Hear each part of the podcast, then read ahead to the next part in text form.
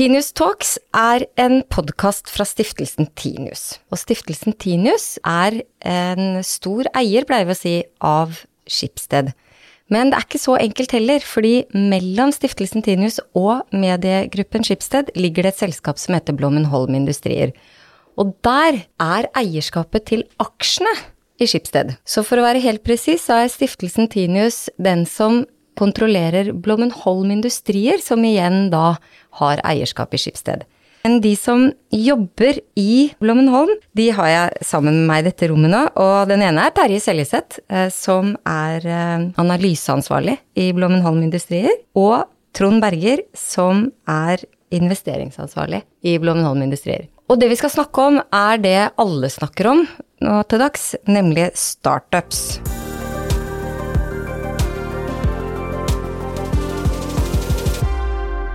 For Blommenholm Industrier er en av de nye aktørene på dette markedet, eller blant disse aktørene som investerer i startups. Og det er det vi har tenkt å prøve å gjøre rede for nå. Og da skal jeg spørre deg først, Terje. Hvorfor har Blommenholm Industrier beveget seg inn på markedet med å investere i startups? Det er to hovedgrunner på det. Eh, det ene er eh, rett og slett for å kunne være en eh, god eier i, i Skipsted. Uh, se hva som uh, utvikler seg i uh, internett- og mediemarkedet. Det er en nesten forutsetning for å kunne drive god eierskapshåndtering. Og det andre det er rett og slett å prøve å hjelpe frem startups i mediesektoren så godt vi kan. Være en en aktør der som kan eh, hjelpe fram spennende selskaper. Og det er, eh, det er, det er ikke veldig lett å starte selskaper i Norge, kanskje spesielt ikke innen mediesektoren. Så der ønsker vi å være en aktør som, som støtter og hjelper. Trond, du har jo eh, lang, lang, lang, lang fartstid i Skipsted. På hvilken måte tenker du at Blommenholm Industrier kan gjøre noe som Skipsted ikke selv kunne gjort?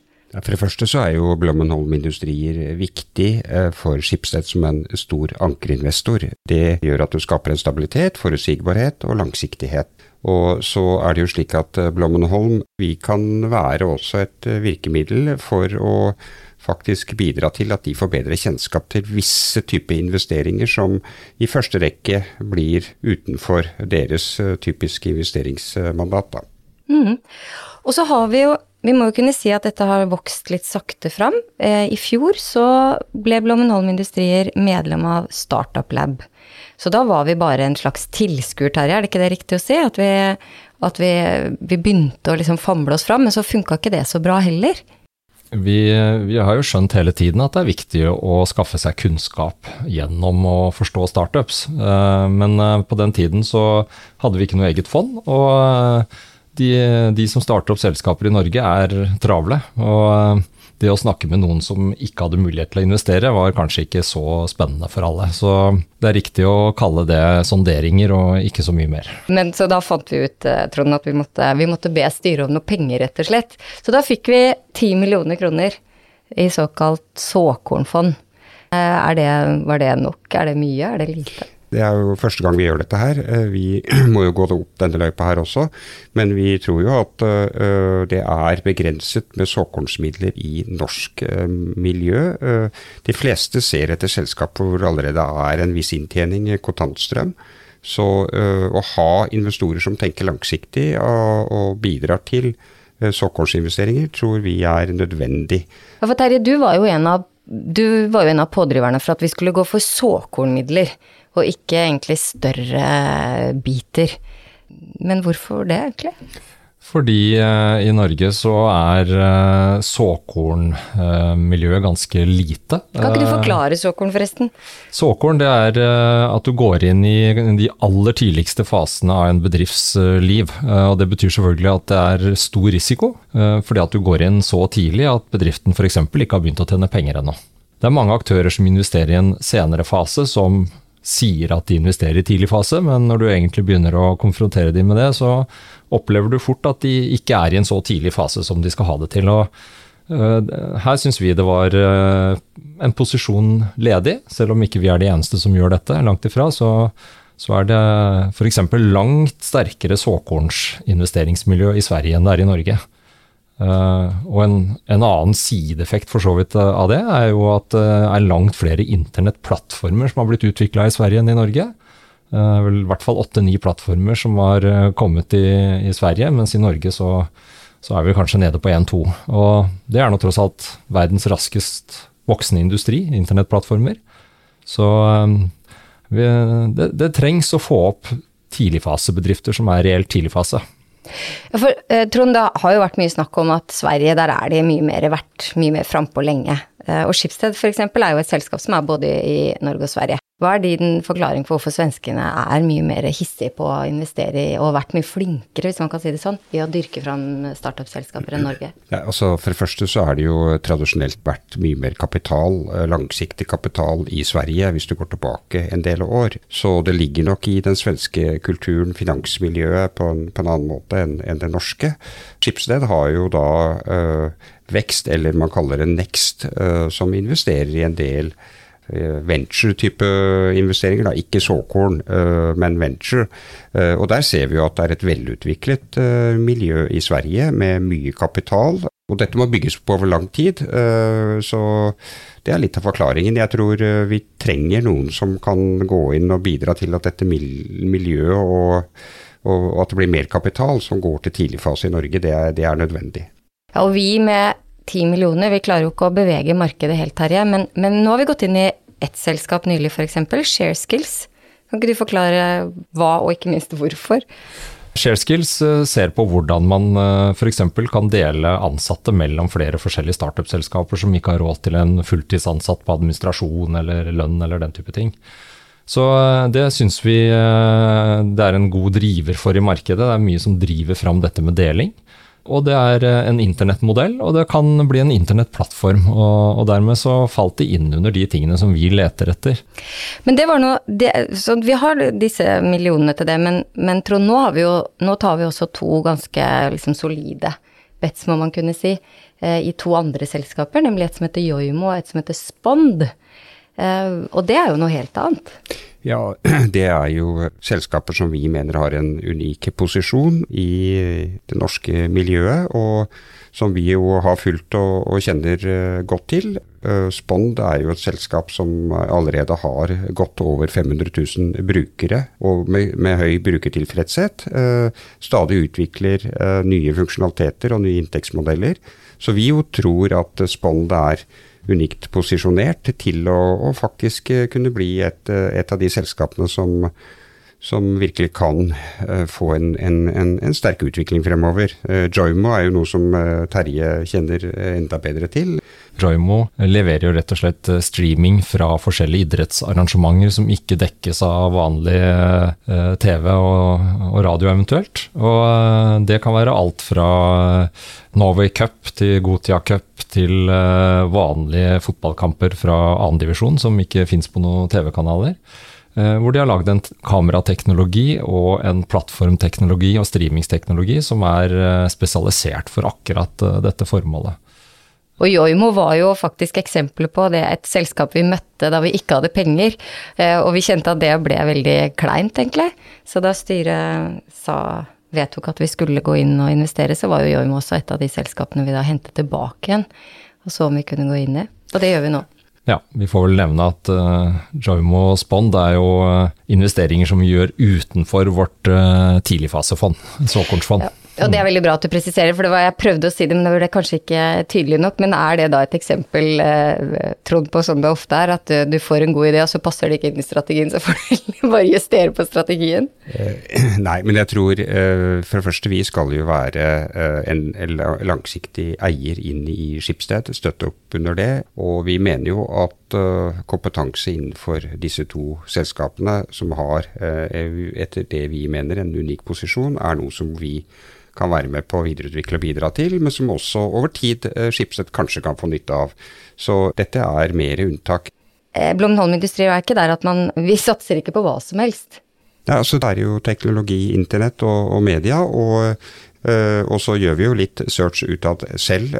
Uh, og så er det jo slik at uh, vi Så vi er jo selektive i hva vi går inn i og investerer fremover. Men, men Trond, du som har sterk eh, finansiell bakgrunn, for det er klart at selv om man som bruker kan se at her er det et produkt som er bra, og dette liker jeg, og dette tror jeg fungerer, og jeg tror det kan fungere for flere, og jeg har tro på dette selskapet, så, så når man kommer inn i dette startup-landskapet, så er det også et spørsmål om hvordan man verdivurderer selskap.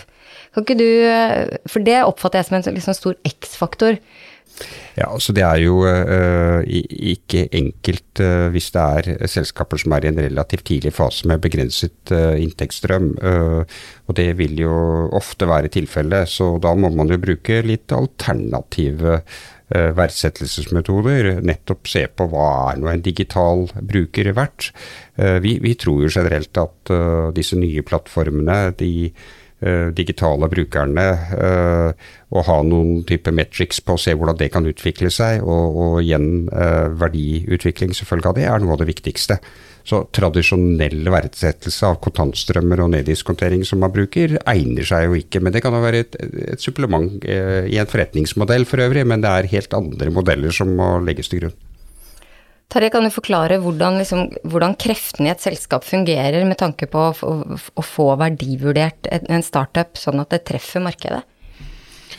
Ja, det er jo en, eh, det er en balansegang. fordi det som man alltid må tenke på i en sånn sammenheng, det er at eh, de som investerer må tenke på at de ikke vanner ut eh, gründerne så mye at det ikke er interessant å være gründer lenger. Men samtidig så kan ikke gründerne bli så grådige at ikke de får inn investorer. Eh, så, så, på en måte så er det en markedstilpasning som skjer, eh, også i prising av den type selskaper som man ikke kan bruke matematikk på. Vi jobber jo sånn at vi møter jo mange eh, gründere, som i, eh, nå i digitale møter, da. som jo forsøker å selge oss ideen sin. Og det er jo litt sånn, føler jeg, at noen av de kan faktisk selge sand i Sahara. Liksom, de er av den typen hvor du tenker at det nesten hva som helst du driver med, så ville jeg, vil jeg satset på deg. Men hvilke egenskaper tenker du er veldig viktig når man sitter eh, i et selskap som da, eller er en gründer for en startup? da? Ja, det er, eh, det er, veldig vanskelig. Det er en som vi i Schibsted kjenner godt, som sa tålamod, tålamod, tålamod. Og det, det er nok litt sant. Er, du må ha en stayerevne og ha skikkelig troa på produktet og holde ut. og det viktigste du kan gjøre er for så vidt å drikke kaffe uh, i perioder. Uh, hvor du har med andre, da, antar jeg. møter etter møter etter møter med potensielle investorer hvor du bare tar en kaffe og diskuterer caset. og det, det, er, det er noe du må tåle å være igjennom hvis du er på den siden av bordet.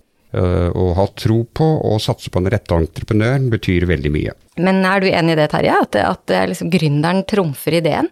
Ja, skal du starte et selskap, så er det jo dette med å ha den driven som skal til for å få det gjennom, og den skinner veldig ofte gjennom i møter. Så, og det er det, Av og til kan det forveksles med å være flink til salg, men uh, det kan også være en uh, rett og slett et resultat av sterk drive og engasjement for ideen, rett og slett, som man merker som investor.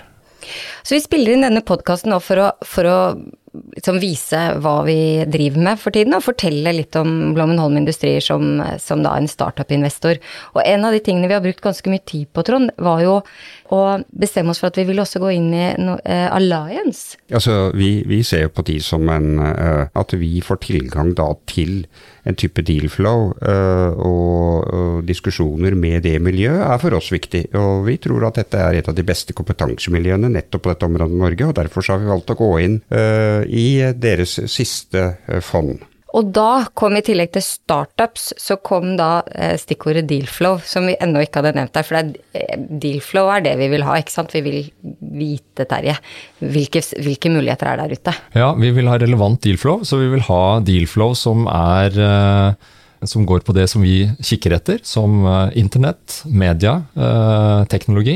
Men det siste, bare eh, til slutt si at eh, jeg var jo med denne ekspertutvalget som skal eh, hjelpe regjeringen med å forme den digitale økonomien. og i det utvalget så må jeg si at man fikk ganske god motivasjon for å hjelpe startup-miljøet i Norge. Fordi det er faktisk ganske langt opp til Sverige og en god del andre europeiske land. Det er en oppfordring til at det er flere som tenker på å hjelpe tidligfasebedrifter i Norge, for det trengs virkelig. Det er jo en veldig viktig og bra oppfordring, særlig fordi at vi da kan si at for det har vi gjort. det etterlever vi. Jeg lurer på, vi skal, vi skal gi oss der. Og så eh, skal jeg si at jeg heter Kjersti Løken Stavrum og er daglig leder i Stiftelsen Tinius og i Blommenholm Industrier. Og jeg sitter der sammen med da Terje Seljeseth, som er analyseansvarlig i Blommenholm Industrier, og Trond Berger, som er investeringsansvarlig i Blommenholm Industrier.